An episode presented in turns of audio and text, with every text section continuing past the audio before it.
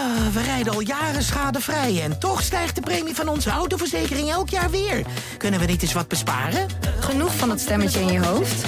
Even Independeren. Daar word je altijd wijzer van. Vergelijk nu en bespaar. Welkom bij Independer. Dit is Ondertussen in de Kosmos, de podcast van de wetenschapsredactie van de Volkskrant. Hierin bekijken we alles wat er maar te bedenken is met een wetenschappelijke blik. Mijn naam is Tony Mudde, chef van de wetenschapsredactie. Corona, veel mensen zullen denken: oh ja, dat is iets uit een ver verleden met irritante lockdowns en dat je dan thuis moest werken met gillende kinderen om je heen, want die mochten niet naar school. Maar ja, het is toch, hè, we hebben vaccins en iedereen heeft het wel een keertje gehad. Het is voorbij. Maar voor heel veel mensen is corona ook nog helemaal niet voorbij. Ik heb het over de mensen die het zogeheten post-COVID-syndroom hebben, wat ook wel eens bekend stond als long-COVID, waarbij je maanden en soms zelfs jaren klachten blijft houden. Langzaam maar zeker beginnen wetenschappers te snappen wat er hierbij misgaat in het lichaam. En dat is veel, in bijna elke hoek van het lichaam. Ik spreek erover met mijn collega Ellen de Visser, zorgverslaggever bij de Volkskrant, en met Josephine Schopman, internist-oncoloog bij het LUMC in Leiden, die zelf ernstige en langdurige klachten overhield aan COVID.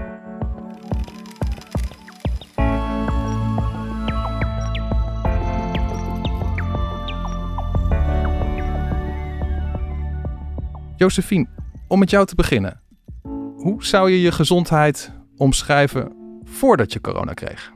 Ja, mijn uh, gezondheid was uitstekend. Ik uh, werkte meer dan 40 uur per dag, uh, 40 uur per week, neem me niet kwalijk. Ja.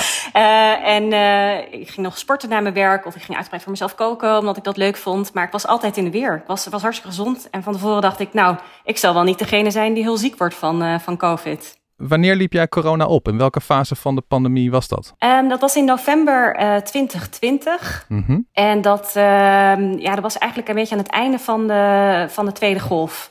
Zeg maar tussen de tweede en derde golf in. Of als je dat als één geheel zou willen zien, um, eigenlijk gewoon midden in de tweede golf. Dus dat was de periode, zeg maar, vlak voordat de eerste vaccins werden uitgerold over het land, ja, toch? Ja, dat klopt. Ja, dat klopt helemaal. In januari werden de eerste zorgverleners uh, gevaccineerd, begin januari. Dus uh, eigenlijk net uh, te vroeg COVID gekregen. ja, precies.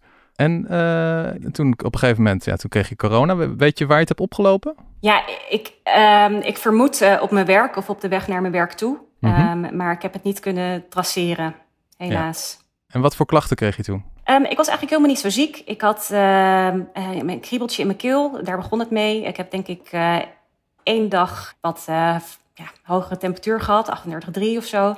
En een beetje gekke spierpijn, die ik nooit eerder had gevoeld in mijn kuiten. Verder helemaal geen luchtwegklachten. Maar wel vanaf, denk ik, de tweede of de derde dag... dat er een soort wattengevoel in mijn hoofd kwam. Ja, dat noem ik hersenmist. Het Mhm. gevoel dat ik niet helemaal goed meer kon nadenken. Alsof er een waas in mijn hoofd zat. En daarbij ook ja, een hoofdpijn, alsof je te veel gedronken hebt. Eigenlijk noemde ik dat mijn COVID-kater. Ja. En, uh, maar dan helaas zonder de lol vooraf. Um, en wat ik ook heel erg uh, opvallend vond, was dat ik um, moeite had met rechtop zitten. Dus op het moment dat ik in een zittende houding ging of ging staan om naar de wc te gaan, dan werd ik eigenlijk ja, beroerd in mijn hoofd. Um, ja, ik zou dat omschrijven als algehele malaise, gewoon niet lekker zijn. En uh, dan wilde ik weer plat liggen. En, en dacht je op dat moment van, nou ja, uh, kan gebeuren, hier kom ik wel weer overheen? Of maakte je meteen al zorgen? Ik maakte me wel een klein beetje zorgen dat ik dacht van, uh, um, goh, zou het ook iets op de hersenen doen? Want dat wisten ze natuurlijk niet. Mm -hmm. um, maar ik dacht wel van, nou ja, ik moet me hier maar aan overgeven. Ik was helemaal niet gewend om ziek te zijn, dus dat was al hartstikke lastig om dat uh, door te maken. Maar ik dacht, ja, dat zal wel weer overgaan. En iedere dag denk je weer, nou, morgen zal wel weer een betere dag worden. Maar dat viel tegen. En, en wanneer was het moment dat je dacht van, hmm, misschien ben ik er wel een die nu long covid heeft? Ja, um, dat, toen ik het kreeg, zeg maar, toen was nog heel uh, beperkt duidelijk dat mensen long covid konden krijgen. En ik hoorde wel van mensen die langdurig moe bleven of last hadden van spieren of, uh, of benauwd waren. Maar mensen die echt zo specifiek last hadden van hersenmist, dat, uh, dat kende ik op dat moment helemaal niet. Um, dus dat maakt het ook wel heel erg lastig. Dat je denkt, ja, wat overkomt me nou? Mijn klachten zijn toch heel echt. Maar het was vooral eerst zoeken naar, ja, naar, naar, naar gelijksoortige verhalen. En toen ik erachter was dat dat zo was, daar gingen wel wat, ja, wat weken overheen. En iedere keer hoop je weer dat het vanzelf wel wegtrekt. Want dat, ja, daar ga je vanuit met soort van vage klachten. Maar Ja. dat deed het niet. En, en nou zijn er ook wel eens mensen die dan rondlopen met klachten die, ja, die, die, die lastig te duiden zijn. En die krijgen dan van hun omgeving te horen zo van ja, maar misschien was je sowieso al gestrest en moet je misschien wat meer rust nemen. En krijg jij dat als, als arts met dit soort klachten dan ook te horen? Of, of werkt het anders als je het als arts hebt? Ja, dat hoopte ik dat het dan anders zou zijn. Nee, ja, dat, dat, dat, dat riep iedereen uh, in mijn omgeving. Van ja, is het geen stress? Is het niet een verkapte depressie? Of, uh, maar um, ja, ik heb dat toch wel helder uit weten te leggen. Ook zeker um, mijn directe collega's hebben dat heel snel opgepikt uh, en zijn heel ondersteunend geweest van het begin af aan. Dus daar ben ik wel echt heel erg uh, dankbaar voor. En die hebben ook uh, werk uit de handen genomen toen ik eerst nog een klein beetje aan het werk was, voordat ik echt helemaal instortte. Mm -hmm. um, nee, die hebben echt heel goed gesupport. Maar ja, dat vooroordeel, dat is er wel, wel degelijk, denk ik. En ja, als je dit zelf als, als dokter krijgt, wil jij hebt ook toegang en jij snapt al die, al die wetenschappelijke studies die elke dag uitkomen. Zit je dan de hele dag te, te kijken zo van, hey, is er al iets nieuws ontdekt over mijn ziekte en hoe dat te behandelen is? Of hoe, hoe gaat dat? Ja, nou zeker in het begin toen er nog heel weinig over uh, bekend was, zat ik echt als een soort uh, dolle te zoeken op uh, ja, de, de PubMed, dat is zeg maar de, de medische zoekmachine die wij gebruiken om de literatuur te vinden. Mm -hmm. Maar dat was eigenlijk helemaal niet bevorderlijk voor mijn herstel, omdat ik zo beperkte energie had en ja, mijn klachten werden eigenlijk steeds erger. En ik had ook moeite met op, op mijn telefoon kijken, op schermen. Um, ja, gaandeweg zeg maar, werd dat steeds heftiger. Dus het werd me eigenlijk uh, ook ontraden, ook in het kader van, van de hulpverlening die ik had, om dat eigenlijk met mate te doen. Um, maar wel frustrerend voor jou, Josephine, denk ik. Jij ja, bent internist. Super frustrerend. Dan wil je natuurlijk weten, dan krijg je iets en dan denk je, ja jeetje, wat is er nou met me aan de hand? Ja, je wil, je wil het snappen. Dus je, je ging helemaal uh, los op die zoekmachine en ik, ik probeerde alles te lezen wat er was. Um, maar dat maakt je ook heel erg angstig te, tegelijkertijd. Het is niet, uh, wat dat betreft niet bevorderlijk, want het gaat opeens niet meer over een ander, maar het gaat over jezelf. Um, er werd ook op dat moment nog heel veel, um, vooral in het begin, heel veel theorievorming van wat kan er nou aan de hand zijn. dat kan ook, nou, de, de, ja, dat, dat, dat, maakt, als het over je eigen lichaam gaat, dan is dat ook wel beangstigend. Mm -hmm. En ja, het was dus heel moeilijk. Ik had heel beperkte energie op een dag. Dus als je dan alle energie steekt in ja, in dat kleine beetje literatuur wat eruit komt, dan kom je daar eigenlijk niet verder mee. Dus het is me gaandeweg uh, heb ik het geprobeerd los te laten. Maar nu uh, ik weer wat meer energie heb, ja, spel ik weer alles uit. En zeker nu alles, ja, er toch steeds meer uh, over bekend wordt. Um, ik wil niet zeggen alles, maar kleine eerste puzzelstukjes die gelegd worden. Ja, dat volg ik, volg ik natuurlijk op de voet. En Ellen, jij schreef voor de, voor de Volkskrant hier een artikel over.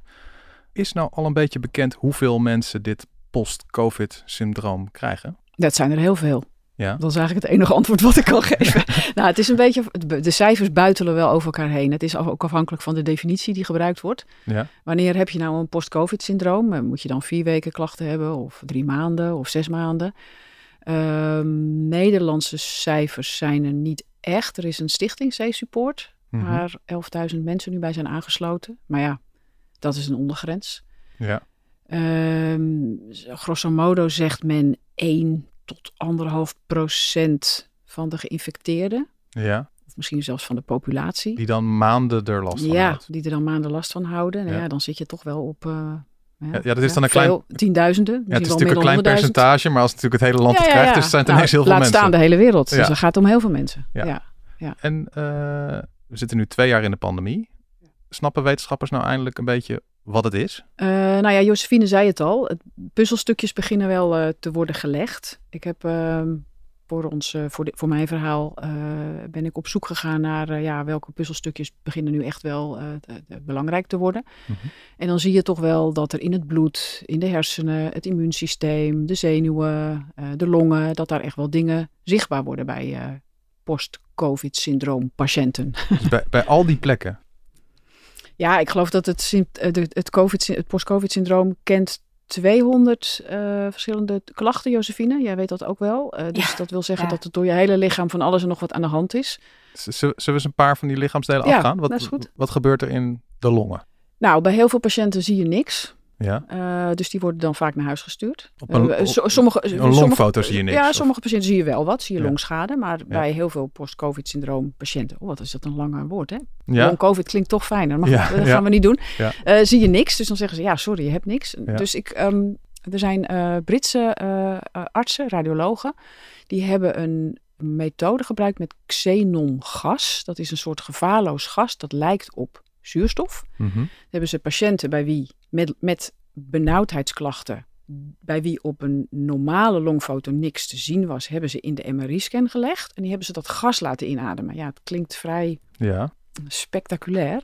En toen zijn ze foto's gaan maken, beelden gaan maken. En dan zie je, eh, zo konden zij dus de route van het zuurstof, schuine streep xenongas volgen. En als je Mhm. die foto's naast elkaar legt, van een gezond iemand en iemand met dat post-covid-syndroom, dan Ja. zie je wel echt grote verschillen. Zwart versus geel. Dus dat En die zwart wil ja, in je longen vindt natuurlijk de, de uitwisseling plaats van hè, dat zuurstof wordt in je longen op een gegeven moment eh, afgeleverd aan het bloed. Mhm. En daar zie je het dan misgaan.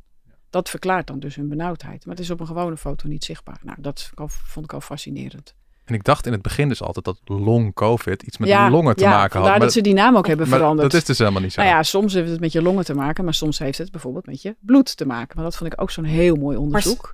Sorry, Josfie? Zelfs, eh, zelfs artsen hebben er last van, wilde ik zeggen. Dat, dat zelfs voor, voor medici niet duidelijk is dat het om long-covid gaat. Zeg maar, Oh dat ja? het over langdurig gaat en niet Long over je is longen, ja. langdurig en niet longen. Ja, ja, ja, ja. ja. En, en- Ja, en op een ja, gegeven dus moment dat is echt een verwarrende term. En op Ja. een gegeven moment was het van, eh, we mogen het ook geen long-covid meer noemen, maar post-covid-syndroom. Wa- Ja. Waarom eigenlijk? Ja, ik denk, ik denk echt vooral voor de, voor- vanwege de spraakverwarring. ehm, dat, het, dat het wat duidelijker gaat om een syndroom dat je naar COVID ontwikkelt. En long-COVID ehm, ja, is wat dat betreft ja, toch een beetje een verwarrende term. Denk ik. ik denk dat dat de voornaamste reden is geweest. En het woord syndroom maakt ook duidelijk dat het om meerdere aangedane organen kan gaan. Hè? En syndroom is altijd een ziektebeeld Ja. waarbij meerdere aspecten van het lichaam zijn betrokken. Dus misschien is dat ook wat Ja, duidelijker daardoor. Ja, Ja, dat dat een goede toevoeging ja, is. ja. ja. Ja, hebben, bloed vind ik we zo hebben net de, we hebben net de longen gehad, gaan we Ja. door naar het bloed. Wat Ja. gebeurt daar? Nou, er is een Zuid-Afrikaanse hoogleraar die heeft eh, in het bloed van patiënten met eh, deze aandoening, ehm, die heeft dat ja, met een fluoriserende microscoop. En nou ja, als je dat bloed ziet van een gezonde patiënt, dan is het alsof je in een zwart heelal kijkt. Ja. En zie je naar, kijk je naar het bloed van deze patiënten, niet allemaal, maar van een aantal van die patiënten, dan zie je een soort felgroene brokstukken in dat heelal. En dat zijn de bloedklontertjes. En wat zij heeft ontdekt, is dat dat coronavirus, de spike-eiwitten die daarop zitten, Ja. die, ja, ik zeg maar even eh, in mijn eigen woorden, die kapen de bloedstolling. Die hechten zich vast. Bloedstolling is een heel ingewikkeld proces waarbij een ene stofje het andere stofje een duwtje geeft. Mhm. En die, die hechten zich vast aan één zo'n stofje. Ja. Waardoor er uiteindelijk in de bloedvaten microscopisch kleine bloedklontertjes ontstaan. En die kunnen naar je haarvaten gaan en daardoor kan er minder zuurstof. Ja. Uiteindelijk, dat klinkt logisch. En we weten ook dat eh, COVID-patiënten vaak bloedstolsels hebben. Ook, eh, er kunnen ook beroertes ontstaan of hartinfarcten. Dus dat zou ook dat voor een deel kunnen verklaren. Maar dan denk ik eh, als leek, bloedverdunners erin en opgelost. Of niet? Hebben ze ook bij sommige patiënten gedaan. En Ja. inderdaad, bloedverdunners erin en opgelost. Dat klopt. Oké, dat kan helpen. Dat kan helpen. Ja, maar goed, weet je, dan moet je dus, dan moet dus dat de oorzaak zijn hè, Ja. van jouw klachten. En dat Ja. is natuurlijk weer niet bij iedereen zo. Dus je zult op een gegeven moment moeten gaan uitzoeken wie heeft wat, bij wie is wat de oorzaak. Ja, want je hebt ook nog eh, de zenuwen. Daar kan ook weer iets misgaan. Ja, dat was ook zo'n mooi plaatje. Dan zie je bij die patiënten, zie je, kijk, de, als je zou kunnen vergelijken, vergelijk de zenuwuiteinden met wuivend riet. En Ja. dan zie je bij die patiënten met post-covid-syndroom dat dat riet helemaal geknakt is. Dat ligt eh, als een soort stengeltjes liggen allemaal door de war. Dus er is, die zenuwuiteinden zijn beschadigd. Ja. En dat kan pijnklachten veroorzaken. Ik heb een patiënt gesproken die heeft blijvende zenuwschade in zijn benen. Die zit in een scootmobiel. Mhm. Maar uiteindelijk kan dat ook je autonome zenuwstelsel beïnvloeden. En je autonome zenuwstelsel regelt weer dingen als hartslag en bloeddruk. Nou, Ja. kan da- dat kan daar weer effect op hebben. En voor de mensen die nu denken van, eh, klinkt erg allemaal, maar ik ben gevaccineerd, dus ik ben safe. Is dat, Ja. is dat zo bij, bij het post-covid-syndroom slash long-covid? Nou, Als je gevaccineerd safe. bent, Ja, ben je nee, dan safe? Helaas niet safe. Eh, ik las dat de British Medical Journal heeft net een review van de 15 van de studies die naar, daarnaar hebben gekeken. En dan is de kans op het post-covid-syndroom gehalveerd als je gevaccineerd bent. Oké. Maar ja, weet je wel hoeveel infecties we hebben Ja. gehad sinds we mensen zijn gaan vaccineren? Hoeveel doorbraakinfecties bij gevaccineerden, hoeveel ongevaccineerden we überhaupt nog hadden? Dat gaat al- om ja, zoveel al mensen. in Nederland miljoenen. Nou, neem je daar al een percentage van, eh, dan zijn er daarna dus toch nog heel veel patiënten bijgekomen. Dat kan niet anders. ja, is gewoon echt een, een ziekte Ja. erbij gekomen. ja, ja. ja. ja het is een pan, zoals een pandemie na de pandemie, hè, noemen ze het wel. Maakt, maakt het uit of je tien bent of tachtig of man of vrouw? Of, of maakt dan... Volgens mij is driekwart vrouw. Maar ja, de statistieken zijn nou ook weer niet. Het is vaak self-report. Je moet zelf doorgeven of je klachten hebt. Uh, Ja. Misschien doen vrouwen dat sneller dan mannen. Misschien denken mannen eerder, nou, ik ga maar niet eh, registreren. Ik, ik weet het niet. Ja, Maar wat er nu over bekend is uit de internationale data, is dat, dat er meer vrouwen dan mannen zijn die hiermee te maken hebben. oké. Eh, ja, jong, oud. Dat klopt. Nee, Eh, En- ja toch? en- ja, maar wie, wel, en wie het wel of wie het niet krijgen, volgens mij is daar helemaal niets over duidelijk nog. Ja, Josephine is nauwelijks Ehm, ziek geweest, bijvoorbeeld. Ja. Ja. Ja. Nou, je kan het inderdaad oplopen naar milde ziekte of naar, naar ernstige ziekte.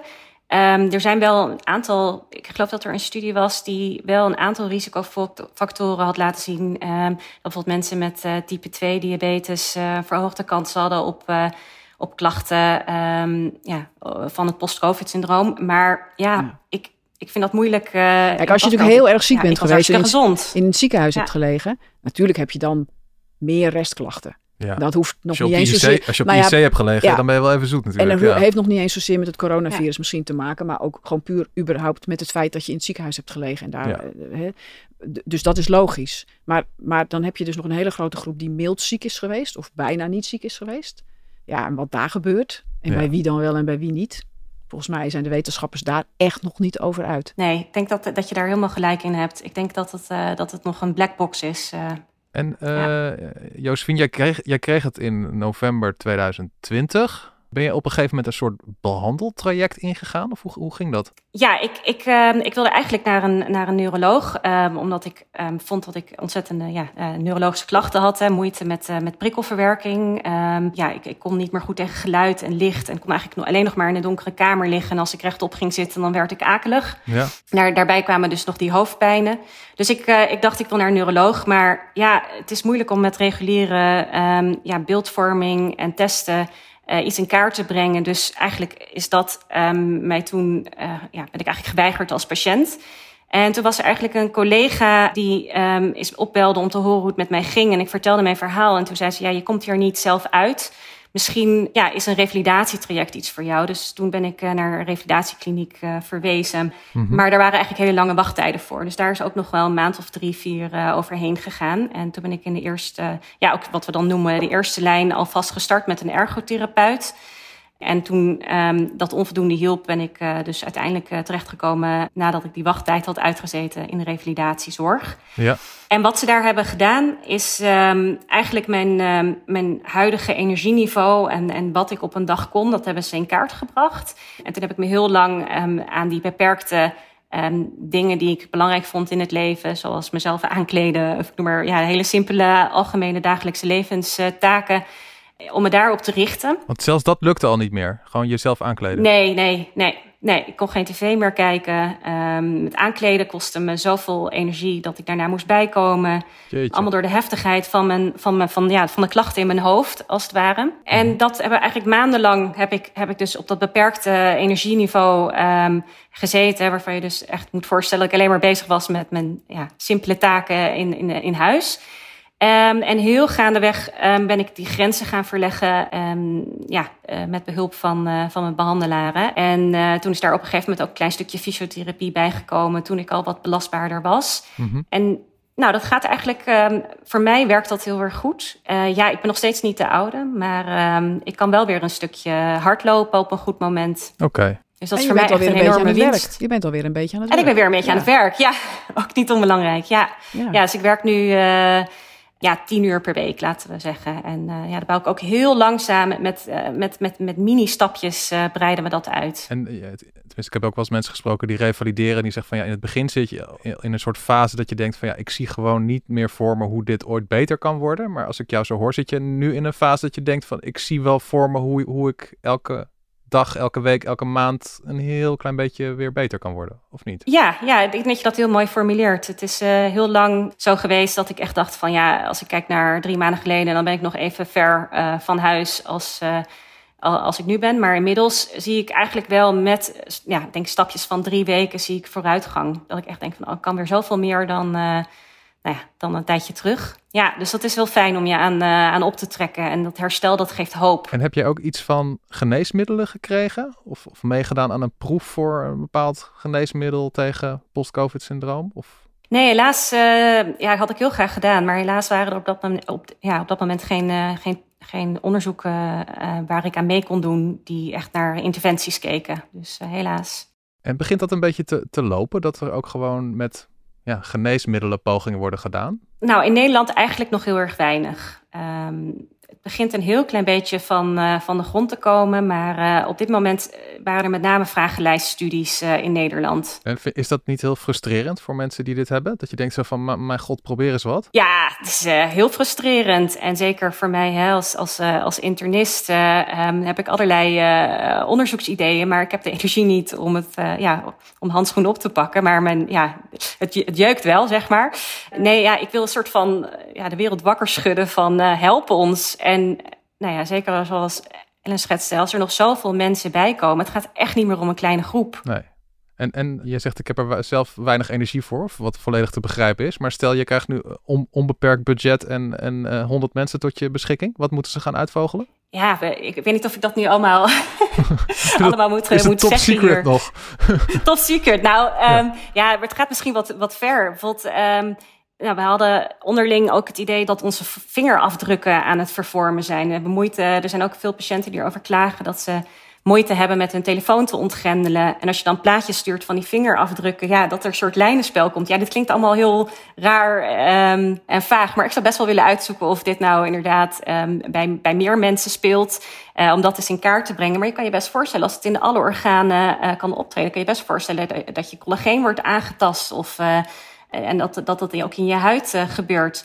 Nou ja, daar, daar zou ik bijvoorbeeld uh, um, naar willen kijken. Um, ja. Ook om, om de ziekte beter te leren begrijpen. Maar daar, daar worden we natuurlijk nog steeds niet beter van. En, en zie, zie jij het, Ellen? Is er, regent het trials? In nou, de... niet regenen. Nee. Ik, een stuk of tien vond ik er. En wat ook wel interessant is, is dat bestaande medicijnen uh, worden getest. Dat is natuurlijk het allersnelste wat je kan doen. Die zijn al op de markt, die zijn al veilig bevonden. Dus die kun je heel snel testen. Ja. Dus je ziet ook, um, ja, we hadden het net over die uh, patiënten met bloedklontertjes. Mhm. Oké, okay, stel dat je die antistollingsche medicijnen kan geven. Nou, in die Amerikaanse hoogleraar heeft al gezien dat dat bij H-patiënten effectief is. Ja. Maar wat ook interessant is, is dat er is ook een, het idee dat het immuunsysteem van patiënten zo op hol slaat omdat er in een aantal organen nog virusreservoirs zitten. Dat virus, de coronavirus, zich een beetje schuilhoudt. Mhm. Waardoor dat immuunsysteem steeds denkt van ja, maar er is nog virus, ik, ik moet nog aan de gang blijven. Precies. Kan ja. je dan die mensen bij wie dat speelt, uh, virusremmer geven? Nou, Ja. dat is ook al beproefd bij een aantal patiënten. Die kregen HIV-remmers, notabene. Dat is natuurlijk een hele krachtige virusremmer. Ja. Dat werkte. Het voordeel van die bestaande medicijnen is natuurlijk van... Ze je weet al. al dat ze veilig zijn. Absoluut. Dus nu wat eh, Britse artsen gaan nu met geld van de Britse overheid een aantal bestaande medicijnen testen. Mhm. Uh, waaronder een anti-jichtpil. Die ook weer, uh, hè, nou ja, kortom, dus de, ge, ge, er gebeuren zeker wel dingen. En dan zijn het inderdaad van- die medicijnen waarbij je zeg maar met je een beetje kan beredeneren. Zo van, nou ja, als Ja. de klacht is, nou ik noem maar wat bloedpropjes, dan zou bloedverdunners kunnen helpen. Als Ja. de klacht is iets met Ja. eh, ontstekingen, dan, Ja. dan kunnen we Maar je ontstekingsremmers hoort, proberen. al, je ja. hoort al, dat is echt een puzzel. Ja. Het is niet een kwestie van, oh ja, je hebt het Ja. post-covid-syndroom, dan krijg je deze pil. Want het is zo'n ingewikkeld syndroom, dat wat bij de een werkt, bij de ander helemaal niet werkt. Maar ja, het is dus wel een klein beetje hoop, denk ik, dat daar mogelijk behandelingen eh, aankomen. Plus natuurlijk de revalidatie Ja, en de fysiotherapie, hè, die kunnen ook nog wel bij best wel veel mensen helpen, maar weer niet bij iedereen. Nee, nee, het is ingewikkeld. Je, je moet eigenlijk een, eerst een slag slaan in het, ja, eigenlijk kijken of je die patiënten ehm, kan gaan uh, uitscheiden. Ja, hoe zeg je dat? In Eh, verschillende verdelen. categorieën kan gaan, Ja, in, groepjes kan verdelen. Dus je moet eigenlijk eerst um, um, ook nog kijken van hoe kan je de juiste mensen selecteren voor de bepaalde trials. Dus je moet eerst eigenlijk ook nog um, ja, validatiestudies gaan doen, als, uh, zoals dat dan heet. Om te kijken van ja, kunnen we inderdaad die bloedklontjes ook hier bij de patiënten in Nederland vinden? En bij welke categorie patiënten? Um, ja, en dan wil je eigenlijk voor die groep wil je dan um, antistollingsmiddelen inzetten. Die, en, die, en die bestaan al. Dan wil je kijken of die ook werken voor dit soort microklontjes, zeg maar, uh, die gevonden zijn. Nou, en als je kijkt, je wil dan ook kijken van ja, kan je die virussen vinden in bepaalde patiëntengroepen? Nou, en dan, dan wil je antivirus uh, testen. Dus zo moet je ja, eigenlijk nog een hele slag slaan, zeg maar. Ja, het is best een ingewikkeld proces. En, en los van de medicijnen, is zijn andere praktische zaken zijn die inmiddels een beetje geregeld? Is post-COVID-syndroom, dat, dat gaat helemaal goed met uh, als je dan, uh, uh, ja, hoe heet het, in de ziektewet belandt en dat soort dingen? Of, of is dat nog steeds allemaal heel problematisch? Nou, dat is, dat is zeker. Ja, het is, wat ik hoor is dat best problematisch. Ik denk, omdat we nog geen goede testen hebben voor long-COVID, Um, het is niet te zien aan de buitenkant uh, voor, mm -hmm. bij veel mensen. Dus dan wordt er toch verondersteld ja, dat je moet kunnen werken. Dus uh, er zijn best patiënten ook die in de knoop komen na, na twee jaar uh, en gekeurd moeten worden bij het UWV. En dat gaat niet altijd goed. Dus ja. ik denk dat daar ook nog wel een slag te slaan is. En ook denk ik dat, dat, dat we toch nog voor betere nascholing kunnen zorgen um, in de medische beroepsgroepen. Dus zowel de bedrijfsartsen, de verzekeringsartsen, maar ook onder fysiotherapeuten en ergotherapeuten. Dat je echt pas met die fysiotherapie kan starten als mensen stabiel genoeg zijn. Want anders verslechteren ze alleen maar. Het idee dat je, uh, dat is eigenlijk heel kenmerkend voor deze ziekte, de post-exertionele malaise, zoals dat heet. Mm -hmm. Normaal nemen we eigenlijk aan dat je beter wordt als je je inspant. Ja. En, en dat je daarmee conditie kan opbouwen. Maar we zien juist bij, bij die mensen met long-covid dat ze eigenlijk alleen maar slechter worden op het moment dat ze zich inspannen. En dat heb ik in het begin ook ondervonden, zeg maar. In het begin was ik best nog wel oké okay, en kon ik naar mijn werk. En gaandeweg werd ik steeds slechter. Mm -hmm. Dus ik denk dat dat ook um, iets is wat we um, onder medici en aanverwante um, specialismen, dat we dat beter moeten beseffen dat dat echt een, een, kenmerk is van deze ziekte. Ja, je merkt eigenlijk dat zowel voor patiënten als artsen, als, als, als verzekeringsartsen, dus gewoon voor iedereen is er gewoon een compleet nieuwe ziekte bijgekomen, waar ze nog van alles van moeten leren, gewoon de basis. En dan komt er ook nog steeds meer nieuwe kennis bij. Ik denk dat het ook voor artsen of voor patiënten frustrerend moet zijn dat dit natuurlijk niet helemaal nieuw is. We hebben heel veel infecties.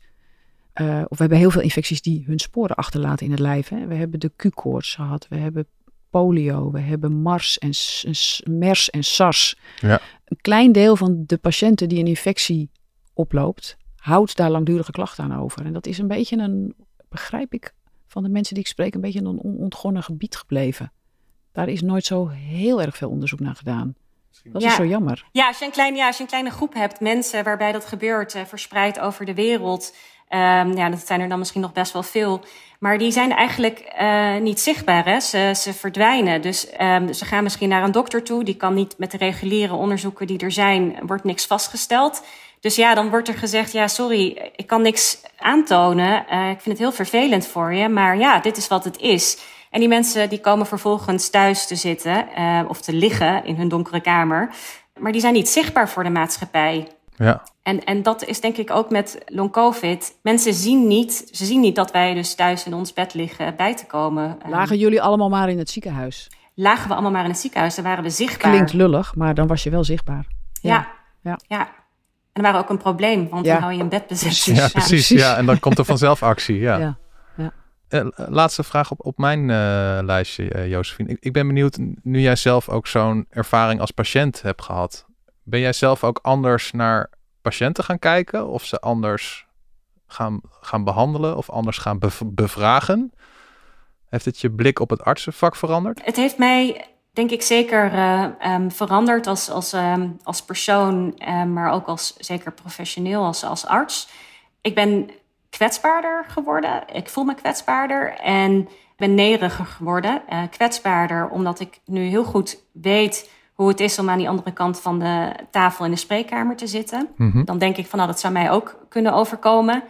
Um, en nederiger omdat um, ja, we eigenlijk nog zo weinig weten van het menselijk lichaam. En voor klachten die wij als, als, um, als artsen, waar wij geen goede verklaring voor kunnen uh, vinden, die noemen we SOLK, somatisch onverklaarde lichamelijke, lichamelijke klachten. Mm -hmm. Ja, ik besef me nu beter dat die klachten er wel degelijk zijn. En dat wij alleen nog niet ja, genoeg kennis hebben van het menselijk lichaam om, uh, om daar een verklaring voor te vinden.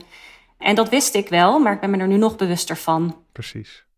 Ik ben uh, heel blij dat het wat beter met je gaat. En, en dat je mee komt doen in deze ja, podcast. Ik, ik ben ook uh, super blij dat het wat beter met me gaat. Echt, ik pluk de dag. Ja, ik ben heel intens gelukkig dat ik weer wat kan. Oké. Okay. Dit was Ondertussen in de Kosmos, de podcast van de wetenschapsredactie van de Volkskrant. Grote dank aan mijn gasten van vandaag, Josephine Schopman, internist-oncoloog bij het LUMC en aan mijn collega zorgverslaggever bij de Volkskrant, Ellen de Visser. Wil je een volgende aflevering van Ondertussen in de Kosmos niet missen? Abonneer je dan op je favoriete podcast-app. Mijn naam is Tony Mudde. Graag tot een volgende keer.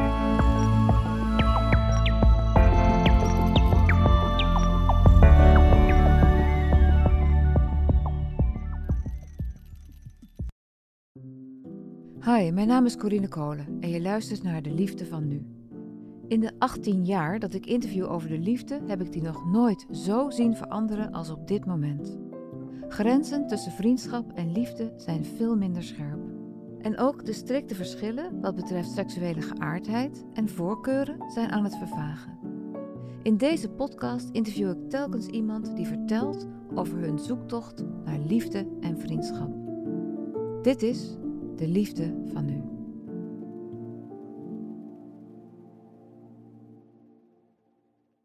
Ehm, past onze autoverzekering straks nog wel bij de nieuwe auto die we gaan kopen? Of kunnen we met overstappen flink besparen? Genoeg van het stemmetje in je hoofd? Even Independeren. Daar word je altijd wijzer van. Vergelijk nu en bespaar. Welkom bij Independer.